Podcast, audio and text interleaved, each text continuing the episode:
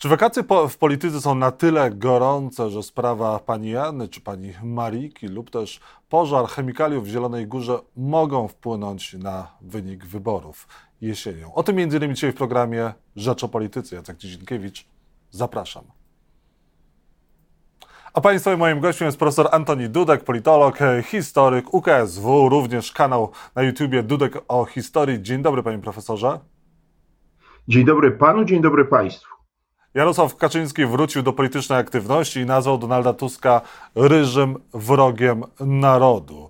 E, czy prezes Kaczyński w ten sposób zaostrzając spór, e, no i przesuwając e, granice tego właśnie sporu politycznego, próbuje zaktywizować elektorat, czy do czego dąży? Wie pan, no mam wrażenie, że tak, że jest to próba aktywizacji elektoratu i to w takiej, no powiedziałbym, najgorszej formie, bo takiej, powiedziałbym, nagonki, czy ja to nazwałem wręcz polowaniem na, na lidera głównej partii opozycyjnej. Natomiast no, można powiedzieć, że w tym nie ma nic nowego, że, że y, prezes Kaczyński już wielokrotnie odsądzał od czci i wiary Donalda Tuska, natomiast teraz zrobił to w sposób bardzo gwałtowny, niezwykle emocjonalny. Widać było te potworne emocje y, i to chyba ma związek z tym, że do Kaczyńskiego coraz bardziej zaczyna docierać, że ta potencjalna trzecia kadencja rządów PiSu będzie bez porównania trudniejsza i stąd też atak na Konfederację, dlatego że no, Kaczyński zaczyna rozumieć, że mimo tych wszystkich ruchów, które wykonał wcześniej na czele z waloryzacją 800, następny klub parlamentarny Zjednoczonej Prawicy jawi się jako oscylujący wokół 200 posłów, więc będzie brakowało nie kilku, nie kilkunastu, ale kilkudziesięciu posłów do samodzielnej większości. No i trzeba będzie z kimś się dogadać, a prezes Kaczyński nie chce się z nikim dogadać, ponieważ nie tylko Donalda Tuska uważa za zdrajcę narodu, ale tak naprawdę przedstawicieli wszystkich formacji politycznych, te, jeśli już nie za zdrajców, to za pożytecznych idiotów, jakichś popleczników tych zdrajców, czy zdrajcy głównego. Więc mówiąc krótko, PiS moim zdaniem yy, widać wyraźnie nie ma zdolności koalicyjnych i stąd ta frustracja Kaczyńskiego yy, no, wynikająca z faktu, że, że będzie musiał znowu wrócić do yy, takich rozmów, jakie kiedyś przed laty prowadził z Romanem Romanem Giertychem czy, czy Andrzejem Lepperem i on to chyba też źle pamięta, źle, źle mu się to kojarzy. I myślę, że stąd ta frustracja, bo na razie innego pomysłu ja, ja na wytłumaczenie tego, tego, tego nie widzę, a frustracja jest ewidentna. No a pan zakłada, że jednak Prawo i Sprawiedliwość wygra kolejne wybory i będzie trzecia kadencja. Obecna sytuacja polityczna na to wskazuje? No wie pan, ja patrzę na wyniki sondaży. Ciągle w sondażach PiS ma największy odsetek poparcia powyżej 30%, co oznacza, że będzie miał największy klub. Ale chociaż to nawet z konstytucji nie wynika, to ma też swojego prezydenta i ten prezydent e, powierzy najpewniej misję tworzenia rządu politykowi PiSu wskazanemu oczywiście przez prezesa Kaczyńskiego. No i wtedy się tak naprawdę dopiero okaże, czy będzie trzecia kadencja, czy nie. Do czego zmierzam? To znaczy, jak patrzymy, to jest nasza kolejna rozmowa i tu się nic nie zmieniło. Jak patrzymy na to, co wynika ze średniej sondażowej, to jest jasne, że nie będzie najprawdopodobniej w tegorocznych wyborach takiego zwycięstwa, do jakiego się przyzwyczailiśmy w przeszłości, że jedna formacja ma samodzielną większość. A to oznacza, że e, e, wszystkie scenariusze są możliwe, przy czym ja za najbardziej prawdopodobny na dziś, podkreślam, nam na dziś, czyli rozmawiamy pod koniec lipca, a wybory będą zapewne w połowie października. E, uważam scenariusz powstania mniejszościowego rządu, jednak z y, y, pisowskiego, z poparciem Konfederacji bardzo drogo opłaconym. Y, jeśli tego nie będzie, to być może będziemy mieli przedterminowe wybory po, po, po dosłownie kilku miesiącach, kiedy się okaże, że, że nie sposób żadnego rządu stworzyć, nawet mniejszościowego, bo tak wynika z konstytucji, choć to mi się wydaje mniej prawdopodobne, ponieważ ci, którzy mówią, że nie ma problemu z przedterminowymi wyborami zaraz po tych październikowych, nie rozumieją, jak kosztowne to jest dla polityków i jak bardzo politykom wszystkich orientacji nie opłacają się szybkie wybory, powiedzmy po kilku miesiącach. Więc dlatego zakładam powstanie mniejszościowego rządu. Hipotetycznie może też być to mniejszościowy rząd e, opozycji, czyli na przykład rząd, jeśli nie Tuska, to jakiegoś innego polityka opozycji demokratycznej, ale tak czy owak on będzie musiał mieć to samo poparcie Konfederacji, dlatego że dziś Konfederacja jest na fali, ma kilkanaście procent, jeżeli nie opadnie z tych, już nie mówię 15%, ale nawet z 10, to ona będzie miała tych powiedzmy 40 posłów plus minus, bez których się nie da stworzyć żadnego e, e, rządu, nie tylko większościowego, ale w ogóle żadnego po prostu, bo, bo w którymś momencie nawet przy, przy tym trzecim kroku konstytucyjnym e, posłowie Konfederacji będą musieli umożliwić powstanie takiego mniejszościowego rządu. I to, to są na razie twarde fakty, które wynikają z naszego porządku konstytucyjnego i zarazem ze średniej sondażowej. To się oczywiście może zmienić do października, ale od wielu miesięcy się tak naprawdę nie zmienia. Panie profesorze, pan nie był zwolennikiem powrotu Donalda Tuska do polskiej polityki. E, uważał pan, że Tusk e, ze swoim obciążeniem czyli z dużym negatywnym elektoratem, e, nie doprowadzi opozycji do wyborów. W dalszym ciągu pan tak uważa? Dzisiaj Donald Tusk cały czas jest na ustach Jarosława Kaczyńskiego, premiera Mateusza Morawieckiego. Właściwie politycy Prawa i Sprawiedliwości nie są w stanie zbudować zdania bez słowa e, Tusk, co też pewnie o czymś świadczy. No i pytanie, czy Donald Tusk też 1 października, organizując ten marsz miliona serc, może zaktywizować wyborców, również tych, którzy może na wybory nie chcą. Rzeczywiście, ja mogę powiedzieć tak, po 4 czerwca y, stwierdziłem, że Donald Tusk w końcu osiągnął sukces i ten sukces był ewidentny. Marsz 4 czerwca był ewidentnym sukcesem Donalda Tuska osobistym, a przez to sukcesem Koalicji Obywatelskiej i dał przez moment Koalicji Obywatelskiej sondaże powyżej 30%. Nie wszystkie, ale były takie sondaże. Po czym ten efekt się rozpłynął. Być może Tuskowi uda się 1 października znowu zebrać, nie wiem czy milion ludzi, ale gdyby mu się nawet udało powtórzyć tą masę, która się zgromadziła w Warszawie 4 czerwca, nie chcę dyskutować ile ich tam było, bo było ich dużo i to jest istotne, e, to to może dać rzeczywiście opozycji dodatkowych kilka procent, czy właściwie koalicji obywatelskiej. Pozostaje pytanie tylko czyim kosztem. Czy y, jeśli ten marsz nie przypom będzie przypominał 4 czerwca, czyli znowu tam zabraknie miejsca dla Kośniaka, Kamysza, Hołowni i tak naprawdę dla Czarzastego, to nie okaże się, że to będzie kolejny wielki sukces, ale koalicji obywatelskiej, która sprawi, że na przykład trzecia droga spadnie poniżej progu, w efekcie czego może się okazać, że to y, y, PiS będzie głównym beneficjentem tego, dlatego że no, jeśli PiS utrzyma pozycję lidera sondażowego, to zgodnie z systemem Tchonta on dostanie największą premię, jeśli któryś z mniejszych graczy nie przekroczy progu. I to wiemy od dawna, więc wie pan, tutaj trudno cokolwiek przewidzieć. Jedno jest pewne, Donald Tusk y, y, poza tym marszem 4 czerwca jak na razie nie wymyślił niczego, co dałoby koalicji obywatelskiej y, to, na co mi się wydawało, że jest szansa po 4 czerwca bezpośrednio, na tak zwaną mijankę. To jest jeszcze możliwe. Co to jest mijanka? To jest sytuacja, w której główna siła opozycyjna, czyli w tym wypadku koalicja obywatelska, zaczyna w sondażach mieć przynajmniej niektórych nieco więcej albo niemal tyle samo, co lider sondażu sondaży, czyli Prawo i Sprawiedliwość. Czyli mówiąc krótko, gdyby te dwie partie miały od najbliższych tygodni w sondażach po 30 kilka procent, raz 1 czy 2 procent, PiS miałby więcej, raz Koalicja Obywatelska, to to zmieniłoby psychologicznie sytuację w tych wyborach. Natomiast to się ciągle nie wydarzyło, choć ja liczyłem, że po 4 czerwca jest na to szansa. Na razie ciągle mamy sondaże, w których jednak y, y, PiS ma tych kilka procent przewagi. Podsumowując, nie wiem jak to się y, wydarzy we wrześniu, co się wydarzy we wrześniu, bo on tu będzie kluczowy. Natomiast rzeczywiście, jeśli Tusk zgromadzi ogromną ilość ludzi 1 1 października istnieje szansa na to, że koalicja obywatelska nieco więcej mandatów dzięki temu zdobędzie. Pytanie, czy im kosztem. Panie profesorze, a jak te bieżące tematy yy, mogą wpłynąć na sytuację y, polityczną już jesienią? Na przykład sprawa pani Joanny, yy, która była przez y, policję przeszukiwana w związku z tym, że mogła mieć yy, tabletkę dzięki której mogła dokonać e, aborcji. Ten materiał TVN24 chyba wstrząsnął częścią opinii publicznej. Znaczy, to na pewno PiSowi zaszkodziło, natomiast zaszkodziło przede wszystkim w środowisku młodych kobiet, wśród których i tak zwolenniczek PiSu nie ma zbyt wiele. Jest pytanie, czy to w skali ogólnej będzie istotne i znaczące. Dlatego, że ja mam wrażenie, obserwując jednak e, media w ostatnim okresie, że one już kompletnie się zaskorupiły w swoich bańkach i tak naprawdę, choćby nie wiem, co w bańce powiedzmy opozycyjnej, jaka informacja się pojawiła, to to się kompletnie nie przebija do bańki pisowskiej, ponieważ zwolennicy PiSu są przekonani, że media wspierające opozycję kłamią w każdej możliwej sprawie. Zresztą to działa też w drugą stronę.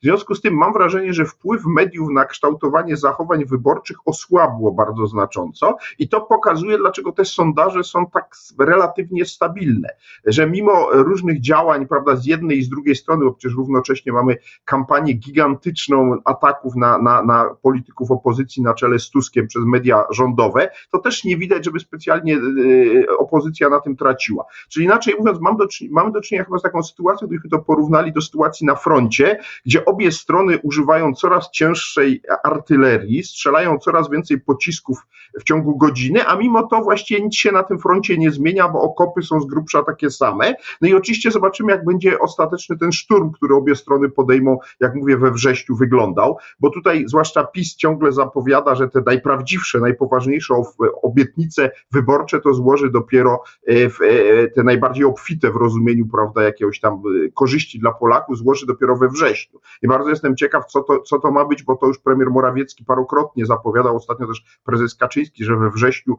Prawo i Sprawiedliwość przedstawi te najważniejsze ze swoich obietnic i być może to jest dla PiSu taki pomysł, to ta Wunderwaffe, która ma ostatecznie im otworzyć drogę do trzeciej kadencji. Zobaczymy, czy Tusk jest na to przygotowany. No na razie z jego, zgodnie z jego dotychczasową taktyką odpowiedź będzie bardzo prosta. W każdej sprawie, którą PiS obieca, Tusk przyjdzie i powie, a ja dam więcej bo to jest ewidentnie jego e, taktyka, tak się zachował w sprawie 800, tak się zachował w sprawie kredytu mieszkaniowego, tak się zachował w sprawie obniżania podatków. On we wszystkich tych sprawach próbuje przelicytować prawo i sprawiedliwość. E, pytanie, czy to jest wiarygodne? No właśnie, i tu się rodzi pytanie o, o, o skuteczność tej taktyki. Ja ją uważam za nieskuteczną, ale jak Tusk rzeczywiście wygra te wybory, to przyznam mu rację i stwierdzę, że e, Polacy już kompletnie stracili wszelkie hamulce i racjonalność w ocenie sytuacji i, i wierzą w tą populistyczną licytację, której jesteśmy świadkami, bo co jest cechą charakterystyczną tej kampanii wyborczej, że dwie główne formacje, ich liderzy licytują się na populistyczne obietnice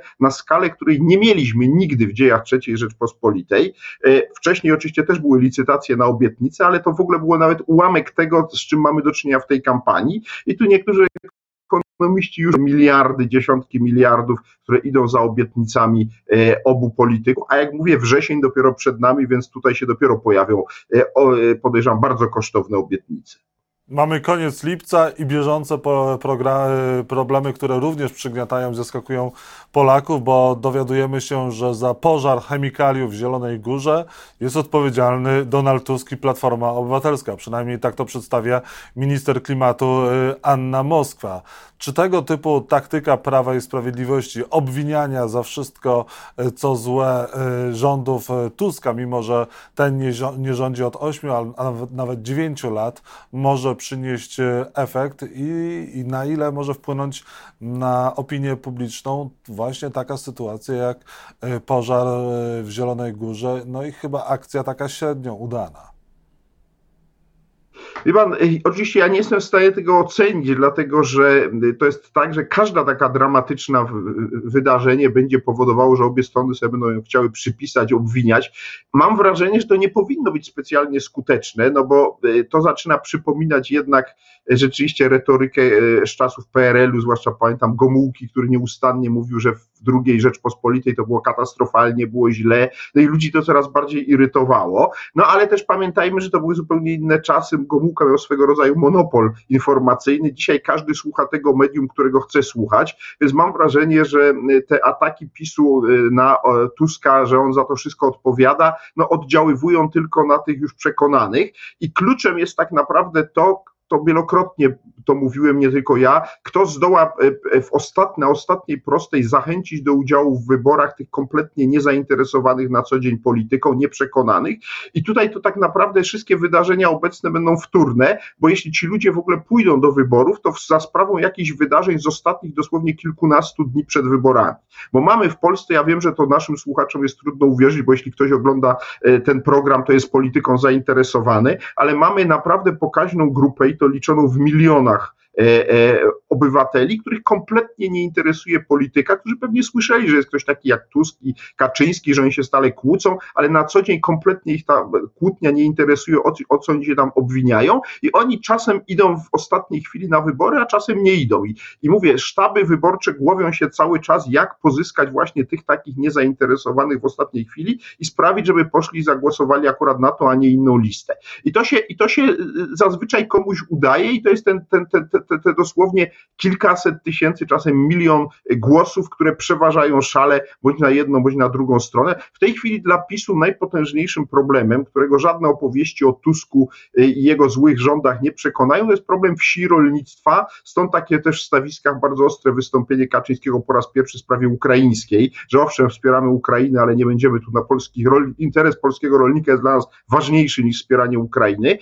Dlaczego? No bo do Kaczyńskiego dotarło, że rzeczywiście e, PiS ma ogromne problemy na wsi, że ten tradycyjny elektorat rolniczy, który był od dawna zawsze po stronie PiSu, istnieje teraz niebezpieczeństwo, że zostanie w domu. Bo ja nie sądzę, żeby ci rolnicy poszli głosować na koalicję obywatelską, ale istnieje niebezpieczeństwo, że, że po prostu nie zagłosują na PiS i PiS straci swój jeden ze swoich bastionów. E, I stąd ta wypowiedź, jak sądzę, będą kolejne jakieś spektakularne posunięcia PiSu wobec rolników i generalnie no, części mieszkańców wsi, y, żeby, żeby, żeby ich zachęcić jednak do zagłosowania w wyborach. Na oczywiście Dwa... Prawo i Sprawiedliwość. Musimy y, powoli kończyć. Dwa pytania o opozycję na koniec. Konfederacja to jest stały trend wzrostowy. Y, Sławomir Mencen z Krzysztofem Bosakiem zapowiedzieli y, trasę po Polsce. Będą się spotykać na piwie z, ze swoimi wyborcami. Na te spotkania przychodzi całkiem sporo Polaków zainteresowanym tym, co Sławomir Mencen ma do powiedzenia chociażby w kwestiach gospodarczych, tego, co ma do zaproponowania przedsiębiorcom. No i na ile Konfederacja może być ugrupowaniem, które jeszcze urośnie i czy te kwestie światopoglądowe, e, za które odpowiada w, tym, w tej formacji Grzegorz Braun czy Janusz Korwin-Mikke mogą tej formacji zaszkodzić czy pomóc? No oczywiście te najbardziej radykalne głosy w Konfederacji, takie jak Grzegorza Brauna, mogą tylko e, tej formacji zaszkodzić. Natomiast jeżeli ten przekaz będzie dalej zdominowany, przekaz Konfederacji przez Mencena i Bosaka, to oni rzeczywiście mogą zapewnić Konfederacji wynik dwucyfrowy. Nie potrafię powiedzieć, czy to będzie 12 czy 18%, ale to jest w tym przedziale, co oczywiście ma ogromne znaczenie. E, ale tak czy owak, nawet przy 12% Konfederacja jest tym języczkiem uwagi w następnym Sejmie. Bez niej, jak już wcześniej mówiłem, nie da się stworzyć rządu. I jeśli Konfederacja się na ostatniej prostej nie podzieli, nie pokłóci, y, nie dojdzie tam do jakichś y, gorszących awantur wewnętrznych, to myślę, że ten dwucyfrowy wynik jest bardzo prawdopodobny. Dlaczego? Bo w Polsce zawsze jest y, elektorat protestu, kontestujący całą, całą scenę partyjną i on jest, jak Paweł Kukiz pokazał w 2001 roku, osiągnął, w 2015 roku osiągnął rekordowy wynik 21% i to jest pułap górny, moim zdaniem, dla Konfederacji, jaki dotąd znamy. Więc ja oczywiście wątpię, żeby Konfederacji się udało 20% zdobyć, ale jak mówię, być może to będzie 12, być może 14, być może 16%. Wszystkie te wyniki są, moim zdaniem, w zasięgu tej formacji. E, no i to oczywiście w zasadniczy sposób zmienił układ sił w następnym Sejmie, już zaczyna zmieniać, stąd ataki także i Tuska na Konfederację. I to jest to, co połączy PiS i Platformę i to moim zdaniem w formie jeszcze wyrazistszej niż dotąd. To będą wspólne ataki Kaczyńskiego i Tuska na Konfederację Federacji, jako na, nie wiem, rosyjską agenturę, jako na awanturników, jako na, y, y, tam się aspekt wiekowy pojawia bardzo, się, y, i to akurat jest moim zdaniem błęd Tuska i Kaczyńskiego, bo ja o Konfederacji na ich miejscu mówiłbym różne krytyczne rzeczy, ale ostatnio jaką bym wytykał przywódcom Konfederacji, to jest ich wiek dlatego że panowie Tusk i Kaczyński mają już swoje lata i właśnie wielu Polaków ma dość rządów ludzi znacząco od nich starszych i szukają kogoś młodszego na scenie i tu właśnie Konfederacja jest najbardziej e, wiarygodna, choć oczywiście Hołownia z Kośniakiem Kamyszem też są sporo młodsi od tych dwóch głównych graczy, no ale mają problem, nie są tak radykalnie kontestujący rzeczywistość jak Mencen z Bosakiem. No i właśnie ostatnie pytanie, na ile ta opozycja jest podzielona, na ile jest e, dogadana, bo sam pakt e, senacki bardzo się ślimaczy i czy powinien, powinien być do tego paktu senackiego włączony również Roman Giertych? No co do Romana Giertycha, to nie mam zdania, wie pan, to, to, to jest kwestia, to on nie przesądzi o wyniku tych wyborów, czy on będzie kandydował gdzieś na senatora, czy nie. Natomiast to, że nie ma paktu senackiego, świadczy bardzo źle o kondycji opozycji demokratycznej i potwierdza niestety moje najgorsze przypuszczenia już od początku roku, e, że ci ludzie e, nie są zdolni, moim zdaniem, do współpracy na tyle minimalnym poziomie, żeby byli w stanie tworzyć rząd koalicyjny po wyborach. I moim zdaniem to wszystko, co pokazali dotąd panowie Czarzasty, Kosiniak, Kamysz, Hołownia i przede wszystkim Donald Tusk jako najsilniejszy gracz, pokazuje, że oni po prostu nie są zdolni do przejęcia władzy w Polsce z, rząd, z, rąk PiSu. I, i to, to widać wyraźnie, bo jeżeli oni się w znacznie prostszych sprawach niż wspólne rządzenie Polską nie są w stanie porozumieć, a nie są i widzimy to, no to o co zabiegają. I w tym sensie to jest najgorszy y, wskaźnik dla nich, jeśli chodzi o walkę o tych niezdecydowanych wyborców. Bo wielu wyborców rozumuje, tak jak już to mówiłem, że y, oni może i Kaczyńskiego nie lubią, ale uważają, że przynajmniej wiedzą, kto rządzi, że rządzi jeden Kaczyński, nikt Kaczyńskiemu po tej drugiej stronie, co nie jest też prawdą, ale oni tak uważają, że Kaczyńskiemu nikt tam się nie ośmiela przeciwstawiać. Y, natomiast po stronie opozycji widzą grupę skłóconych panów i to nie zachęca do głosowania na opozycję demokratyczną. I dla mnie jest zdumiewające, że liderzy opozycji tego nie rozumieją, że szkodzą przede wszystkim sami sobie i swojemu wynikowi wyborczemu właśnie takimi y, y, sytuacjami jak to, że nie ma paktu senackiego, czy to, że nie potrafili tego 4 czerwca wspólnego e, pokazać przekazu w czasie tej manifestacji i tak dalej. Moglibyśmy tu długo tą listę porażek, działań koordynacyjnych ciągnąć, no ale konie jaki jest, każdy widzi i za to opozycja demokratyczna zapłaci cenę w tych wyborach. Profesor Antoni Dudek był Państwa moim gościem. Bardzo dziękuję Panie Profesorze za rozmowę. No i do zobaczenia dziękuję. wkrótce. Wszystkiego dobrego. Dziękuję.